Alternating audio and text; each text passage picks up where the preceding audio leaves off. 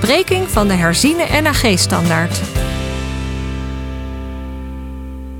Welkom luisteraars, ik ben Tessa Dijksman, huisarts en naast de eveneens uitgekomen podcast Vroege Herkenning Hartfalen in samenwerking met de Nederlandse Hartstichting is dit de podcast over de herziening van de NAG-standaard hartfalen.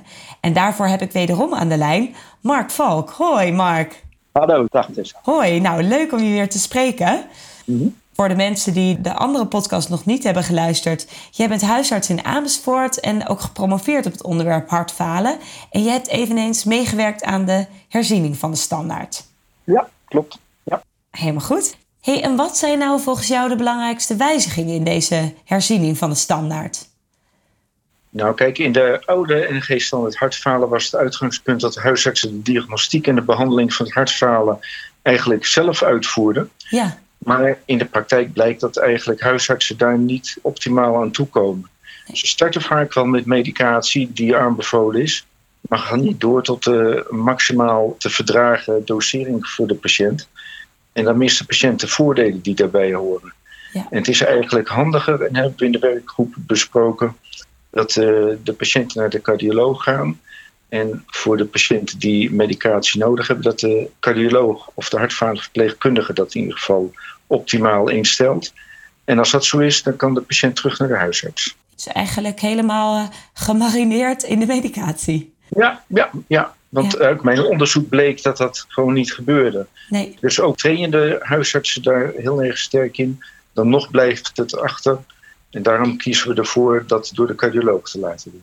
ja, oké. En de terminologie was ook veranderd. Dat is in de vorige podcast ook naar voren gekomen. Maar misschien kun je dat nog even kort aanstippen. Ja, dat is een, eh, een indeling die we hebben van eh, hartfalen met eh, behouden ejectiefractie. Dat Ja. noemen we HFpEF. En die P van PEF die staat voor preserved. Ja. Dus behouden ehm, ejectiefractie. En dan is de linker ventrikel ejectiefractie meer dan 50%. Oké, We hebben aan de hele andere kant van het spectrum eh HFrEF. ja. En dat is hartfalen met gereduceerde, reduced, linker ventrikel ejectiefractie. Dat is zeg maar het oude systolische hartfalen. Precies. Hè? Dan is de ejectiefractie onder de 40%. Ja, En we hebben nog de mid-range ejectiefractie. En die zit tussen de 40 en 49%. oké. Ja, en die boven de 50, dus die met preserve, die HFpEF, dat is dan de oude diastolische hartfalen. Ja, klopt. En de midrange is erbij gekomen. Ja. Mhm. Ja, In de podcast Vroege Herkenning Hartfalen hebben we al uitgebreid gepraat over het laagdrempelig denken aan hartfalen. ja, Omdat er veel onderdiagnostiek is, dus vooral bij patiënten met risicofactoren zoals een doorgemaakt myocardiinfarct, COPD, diabetes, atriumfibrilleren of hypertensie. En dat je dan een ECG en een BNP moet laten prikken. Kun je ons nog iets vertellen over de nieuwe standaard, over dit BNP en pro-BNP? Is daar nog iets aan veranderd? Nou ja, kijk, het is zo dat die eh, BNP en die pro-BNP, afhankelijk van de regio waarin je woont, bepaalt het laboratorium eigenlijk of het een of het ander. Ja, Eh, dus daar kies je als huisarts niet voor. nee. En we hebben gekeken naar de afkapwaarden. Soms geven die laboratoria ook nog afkapwaarden mee. Eh, en die zijn dan afhankelijk van of leeftijd of geslacht. Mhm. Maar wij hebben er echt duidelijk voor gekozen in de werkgroep om één afkapwaarde te gebruiken voor BNP. Dat is 35. Ja, En eentje voor het NT-pro-BNP, dat is 125. En is de waarde daarboven, eh, dan moet er eigenlijk verdere diagnostiek gedaan worden. Met behulp van een echocardiogram om te kijken waar we mee van doen hebben. ja, Natuurlijk, de prijs die je ervoor betaalt, dat is dat je veel eh, mensen meeneemt die eigenlijk dan ook geen hartfalen hebben. Mhm. We kunnen in ieder geval met die lage afkapwaarde wel iedereen vangen op een paar procent nou. Ja. Dan heb je wel alle mensen te pakken die hartfalen hebben. Oké, dus eigenlijk eh, scherp geformuleerde afkapwaarden. Ja, In ja. deze nieuwe standaard, ja. En dat is denk ik wel goed om je bewust van te zijn als huisarts. Dat dus als er geen sterretje bij staat... Ik kijk altijd naar de sterretjes of het afwijkend is. Ja, ja, ja. Dat het dan toch afwijkend kan zijn. Ja, ja. Dus laat je niet eh, misleiden door de afkapwaarde die je eigen laboratorium geeft. Maar hou gewoon deze afkapwaarde van 35, respectievelijk 125 picogram per milliliter aan. Ja, ja. Oké. Hey, en mocht je dan een afwijkend ECG of een BNP of een pro-BNP vinden boven die afkapwaarde van 35 en 125, welke patiënten verwijs jij dan naar de cardioloog? Kijk, eigenlijk allemaal. Want uh, je vindt een, uh, een, afwijking van BNP en op het ECG. En dan moet je gewoon, dan weet, dan kan je niet denken, dit is een patiënt met hartfalen, ik ga nu behandelen. Want je weet eigenlijk helemaal niet wat voor hartfalen je hebt. En daarvoor is echt een echocardiogram nodig. Nou zijn er regio's waar ze een eerste diagnostisch centrum hebben. Ja. Waar dan ook een cardioloog ook uh, een echocardiogram kan beoordelen. En dan krijg je gewoon de uitslag en kan je daar vervolgens zelf mee aan de gang. Maar de meerderheid is toch eigenlijk dat je regio's hebt waar je de patiënt verwijst naar de cardioloog. Ja.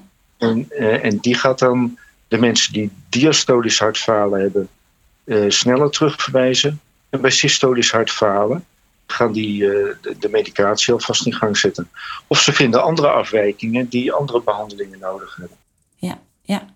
Dus systolisch hartfalen is dan die HEFREF, reduced. ja, ja, dat is even lastig nog. Het moet er bij mij ook nog even inkomen hoor, ja. Ja, ja, ja. Hey, en dan komen we eigenlijk bij het belangrijkste van de standaard. Kun je vertellen wat de kern is van de medicamenteuze behandeling? Ja, daar zijn eigenlijk niet zoveel veranderingen. Er zijn wel nieuwe medicijnen gekomen. Ja. Maar dat zijn eigenlijk medicijnen die alleen maar door de cardioloog in gang gezet worden bij patiënten die een lagere ejectiefractie hebben dan 35 procent. Ja. En dat zijn toch de mensen die uh, ja, behoorlijk vergevorderd hartfalen hebben. Dus ik kan er wel iets over vertellen, maar ja, je gaat die toch zelf niet starten. Nee. Wat ik wel interessant vond om in ieder geval om te lezen, wat jij net al zei, dat eigenlijk de, de medicatie, dus de rasremmers, de beta-blokkers en eventueel aldosteronantagonist echt tot de maximale dosering moet worden opgehoogd die de patiënt verdraagt. Nou, dat doet in principe de cardioloog. Maar dat ja, eigenlijk tegenovergesteld, het listdiureticum wordt gecontinueerd op de laagst effectief mogelijke dosering. Dus een beetje tegengesteld. Uh, ja, je komt vaak wel uit met, uh, met één keer per dag 40 milligram. Ja. Wat daarbij wel interessant is dat soms uh, mensen niet reageren op zo'n lage dosis. Ja. en dan blijkt dat je er beter voor kan kiezen om dan om de dag twee tabletten te geven. Ja. dat mensen toch een bepaalde drempelwaarde hebben waarboven pas diurese gaat optreden bij furosemide. Ja. Dus dan kun je beter om de dag 80 milligram geven dan iedere dag 40 milligram. Dat is over de week gezien evenveel milligrammen. Maar dan, dan werkt het in ieder geval. Oh, wat interessant. Dat wist ik niet. Nee. Ja. En dat, dat ligt denk ik aan de nierfunctie onder andere. Die drempelwaarde van de furosemide. Ja, over dat precieze mechanisme kan ik je niet vertellen hoe dat precies werkt. Nee. Dit is in ieder geval een ervaringsfeit. Ja, ja, ja slim. Hey, en het volgende in de standaard dat weten we denk ik wel, maar blijkbaar angiotensine receptorblokker naast een ACE-remmer. Ja, werd het toch nog wel eens gedaan? Nou, ik hoop dat iedereen dat weet. Ja. ja. Nou, ik heb, ik heb het ook nog wel eens uh, in de waarneming zo wel eens tegengekomen. Dat mensen toch en losartan bijvoorbeeld en lisinopril ja. hebben. Ja. ja, precies. Kijk, je kan natuurlijk kiezen voor de een. En als er klachten zijn van uh, hoesten bijvoorbeeld, kun je switchen naar de ander. Maar je moet het er niet naast geven, omdat het een verhoogde kans geeft op uh, complicaties. Ja. En dat is dat er een uh, kans is op een verhoogd cardium. Mm -hmm. En er zijn meer ziekenhuisopnames. Zo. Dus ja. je moet het gewoon echt niet naast elkaar gebruiken. Echt niet doen. Of het een of het ander. ja, nou, even ter herinnering inderdaad. Ja. Hey, en het volgende wat ik wel interessant vond, dus kwam ik laatst ook tegen bij een uh, nascholing over diabetes type 2, dat die SGLT2-remmer ook een, eventueel een optie zou kunnen zijn bij hartfalen, bij patiënten die ook diabetes hebben. Kun je daar wat over vertellen? Ja, nou, dat is een reuze interessant uh, fenomeen. Die SGLT2-remmer die werd gegeven aan uh, patiënten met type 2 diabetes. Ja. Toen bleek die uh, minder hartfalen hadden. Toen hebben ze een nieuwe studie opgezet om te kijken of dat mensen met of zonder type 2 diabetes uh, ook daar goed op reageerden. Ja. En toen bleek dat uiteindelijk ook mensen met hartfalen uh, profijt hebben van die SGLT2. Die hebben dan minder uh, ziekenhuisopname en minder sterfte, dacht ik. Dat onderzoek dat was nog niet klaar toen wij met onze werkgroep bezig waren. Dus we hebben dat nog niet in de standaard geschreven dit keer. Nee. Maar standaard is natuurlijk ook in progress. Ja. Uh, mogelijk dat in de volgende standaard dit wel een middel is om uh, te gaan gebruiken. Ja, dus het is een middel om in de gaten te houden. Ja, zeker. Ik begreep inderdaad bij die nascholing over diabetes dat, het, ja, dat je eigenlijk wat extra suiker uitplast, waardoor het ook diuretisch ja. werkt. Waardoor het eigenlijk ook een soort als diureticum fungeert. Ja, ja dat klopt. Je, je scheidt meer suiker uit. Het wordt niet uh, ja. in de tubulus uh, teruggeresorbeerd. Ja. Suiker moet opgelost blijven, dus je hebt uh, op die manier een diurese. Maar ook wordt er meer natrium uitgescheiden. Dus op die manier heb je aan twee kanten een diuretisch effect. En misschien is dat wel het effect. Maar misschien zijn er ook neveneffecten, Ja. dat weten we nog niet. Interessant. Maar in ieder geval bij patiënten met diabetes zou je het kunnen overwegen die ook hartfalen hebben. Ja, ja, maar ik weet niet of dat je dat dan zelf gaat starten of dat de cardioloog dat gaat doen. Nee. Dat is nog te bekijken wie daar wel uh, zeker van is om dat te gaan gebruiken. Maar het is nog niet een uh, aanbeveling in de standaard. Nee, nee oké. Okay. Maar als dus iemand terugkomt van de cardioloog met een SGLT2-remmer ja. van de cardioloog, dan moeten we niet gek opkijken. Precies, dan snap je waarom dat is. Ja. hey, en Mark, ik lees in de standaard dat wij als huisarts uh, die thiazide, diuretica en digoxine niet meer mogen voorschrijven. Of dat dat niet meer wordt aanbevolen. Ja, dat klopt. Dat wordt niet meer aanbevolen om dat te doen.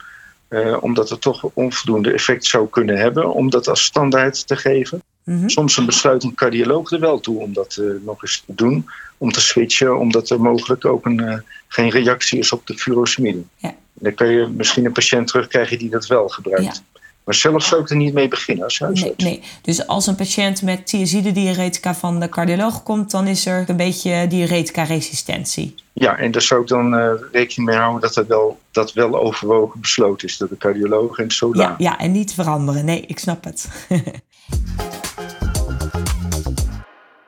hey Mark, ik las dat een daling van de GFR na start van een rasremmer eigenlijk wel normaal is. Dat je een daling van 20% wel kunt accepteren. Hoe pak jij dat aan met die GFR? Kun je ons daar iets over vertellen? Nou, als je een rasremmer start of als je de dosering verhoogt, dan moet je altijd na 14 dagen toch een EGFR bepalen. Ja? Om te kijken hoe de nierfunctie zich houdt. En inderdaad, wat je vertelde, zo'n daling van 20% is acceptabel. En dat zie je ook wel vaker. Dat trekt uh, toch wel weer bij na een paar weken. Maar je moet wel even weten hoe deze patiënt op die verhoging uh, reageert. Ja. Voordat je weer verder kan gaan ophogen. Ja. En, en zit je dan na twee weken precies in die dip? Nou, die zit daar rondom die twee weken. Ja. Dus daarom moet je dat na twee weken even bekijken. Ja. En heb je dus kans als je het vier weken later prikt, dat hij weer bijgetrokken is een beetje? Ja, precies. Maar dan moet je toch even kijken na twee weken. Want je kan die dosering, die begin je laag en die ga je iedere keer stapsgewijs verhogen. Je kan niet dat verhogen terwijl iemand al in zo'n dip zit. En dan ga je nog een keer de dosis uh, verhogen nee. uh, van je rasremmen. Dus dat moet je absoluut vermijden. En dat is echt heel belangrijk dat je 14 dagen na verhoging van de rasremmer of na de start altijd die EGFR bepaalt. Ja. En maakt het nog uit wat je GFR is? Jazeker, want we hebben het nu over stadium 3. Dat is tussen de 30 en de 60 milliliter per minuut. Ja. Um, bij stadium 4, dan zit hij tussen de 15 en de 30. Dan halveer je definitief de dosis van de rasremmer. Ja. En is die onder de 15, dus stadium 5, dan moet je definitief stoppen met je rasremmer. Dus onder de 15 altijd stoppen met je rasremmers, ja. Ja, ja. En dan is het ook het niveau dat je een cardioloog of een internist-nefroloog uh, moet raadplegen. Ja, dan uh, gaat voorbij aan de eerste lijnzorg. Ja, nou ja, 15 is wel erg laag. Ja, ook, dat is wel erg laag. Dan uh, nog weer een vraag over het kalium. We zitten helemaal in de nefrologie inmiddels. Ja. Ik kwam tegen in de nieuwe standaard dat een kalium van onder de 5,5 eigenlijk nog wel acceptabel is. Dat je dan niet uh, zenuwachtig hoeft te worden. Klopt. Ja, die lijkt hoog, maar dat mag nog. Ja, prima. Dat mag nog, fijn. Hey, en bij een kalium boven de 5,5, wat doe jij dan? Mm. Wat adviseert de standaard? Ja, dan moet je kijken wat daar de oorzaak uh, van is. En dat is meestal ja. dan toch een diureticum. Ja. Triamterene of een miludoride. Als dat gebruikt wordt, dan stop je die. Ja, dat zijn echt die oude middelen, hè? Ja, en dan controleer je na twee weken weer het kalium. En dan ga je Ja. kijken of dat je weer kan beginnen met een andere dosering... of dat je het gestopt moet houden. Hey, en ik las dat je eigenlijk ook moet kijken naar de rasremmer. Dat je daar toch ook een hyperkalemie van kan krijgen boven de 5,5. Ja, Dat wist ik eerlijk gezegd niet. Ik, ik zou dan vooral denken aan triamtereen of, eh, of inderdaad amyloride of spironolacton. ja maar de, een rasremmer die heeft af en toe ook toch de neiging om eh, het kalium uit de bocht te doen vliegen. Ja, oh interessant. Ja, die kan dan ook proberen te halveren en kijken hoe het Ja. kalium daarop reageert. Nou, slim. Ja, en boven de 6, Ja, dat, is, weet ik eh, nog wel van de SCH, dan eh, Ja, kun je allerlei ritmestoornissen krijgen. Meteen eh, overleggen, ja. ja, zeker. Nou, En dan bij een te laag kalium, dus een hypokalemie, dan kun je dus andersom weer zo'n rasremmer eventueel ophogen. Stel dat je een kalium tussen de 3 en de 3,5 had. Dat eh, zat ook niet zo scherp bij mij. Ja, als je nog ruimte hebt om de rasremmer te verhogen, dan mag dat. Ja, Als je nog niet eh, aan je maximale dosering zit wat de patiënt kan hebben, dan is daar nog ruimte. Ja. Eh, maar je kan ook wat eh, kaliumsupplementen toedienen. ja of spironolacton. Ja, dat is ook een middel wat het kalium kan doen stijgen. Jij zit er natuurlijk helemaal in, ook met je promotie. Wat zou jij nou als eerste doen? Als stel dat je deze patiënt toch onder je eigen hoede hebt. Eh, Kaliumsupplementen, aldosteron-antagonist of, of de rasremmer ophogen als je nog ruimte hebt. maar ik zou zo'n spironolacton proberen. Ja. Dan over eigenlijk de exacerbatie van hartfalen. Ik begreep dat jullie daar ook nog een opmerking over hebben geplaatst in de nieuwe standaard. Ja, er is verschil tussen eh, acuut hartfalen Mhm. of chronisch hartfalen wat je hebt, wat, eh, waar een exacerbatie bij kan optreden. Eh, Zo'n exacerbatie bij chronisch hartfalen, dat verergert vaak in enkele dagen. Ja, Terwijl acuut hartfalen ontstaat in enkele uren. ja, Ja, en de standaard gaat niet over acuut hartfalen. Dat is dan toch eh, eh, acute zorg. ja, spoedzorg. Ja, verwijzen naar de cardioloog. Ja. En zo'n exacerbatie van chronisch hartfalen. Ik begreep dat je dat ook kunt behandelen door de beta-blokker tijdelijk te halveren. Als zeg maar verhogen van de furosemide drie dagen geen effect heeft. Dat zou kunnen. Dat kende ik eerlijk gezegd niet zo goed. Nee, maar meestal kom je daar ook niet aan toe. En heeft het eh, verhogen van een diureticum eigenlijk al voldoende Ja. effect. Ja, ik heb eigenlijk niet echt meegemaakt dat dat niet werkte inderdaad. Ja, Dus eh, verdubbelen van het diureticum. En daar moet je echt niet eh, bang voor zijn om naar 80 milligram te gaan per dag. mhm. Ook niet vanwege hetgene wat wij in het begin van deze podcast hebben benoemd. Dat je soms ongevoelig bent voor een lage dosering. Dus je mag best verhogen. ja dat je echt boven die threshold uitkomt. Ja, Ja. klopt. hey, en ik kwam ook nog tegen over de beta-blokker. Dat bij sommige patiënten de beta-blokkers in de beginfase juist een vererging van de klachten geven. Weet je waarom dat komt? Nou ja, kijk, een beta-blokker die eh, blokkeert de beta-receptoren. Waardoor eh, adrenaline niet meer eh, of minder werkt. Ja, En dat merken mensen dan eh, in hun doen en laten, dat ze dat minder kunnen. We weten dat het een kwestie van gewenning is mhm. en dat het overgaat. oké. Eh, en bij een beta-blokker, als je die zo starten zelf, dan moet je denken: eh, start low en go slow. Ja, dus eigenlijk zoals bij alle medicatie bij ouderen zo ongeveer. Ja, maar bij beta-blokkers bij hartfalen speciaal. Want Ja, vroeger waren beta-blokkers zelfs verboden bij hartfalen. ja, Tot we ontdekten als we dat laag begonnen en dan langzaam optitreerden, dat de mensen daar weer voordeel van hadden. ja, ja. En wat voor dosering start jij dan bijvoorbeeld? En met welke stapjes ga je omhoog? Ik, start, eh, ik gebruik zelf altijd metoprolol. Ja, En dan begin ik met 12,5. En dan om de twee weken kan je dat verdubbelen naar 25, 50, 100, 150. Ja. En een hele enkele, die kan zelfs op de maximale dosering van 200 uitkomen. Oh, maar inderdaad, 12,5 is wel heel laag eh, qua begin. Dat is goed om te weten. Ja. Ja.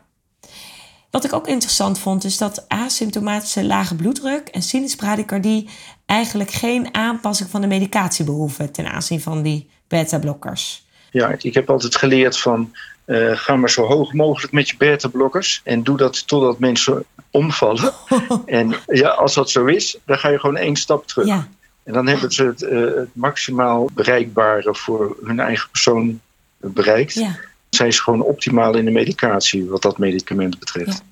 Want ik hoor wel eens, als je polyfarmaciebesprekingen doet met de apotheker, en als mensen bijvoorbeeld moeheidsklachten hebben, dat, uh, daar wordt als eerst gesuggereerd om die metoprolol iets af te bouwen.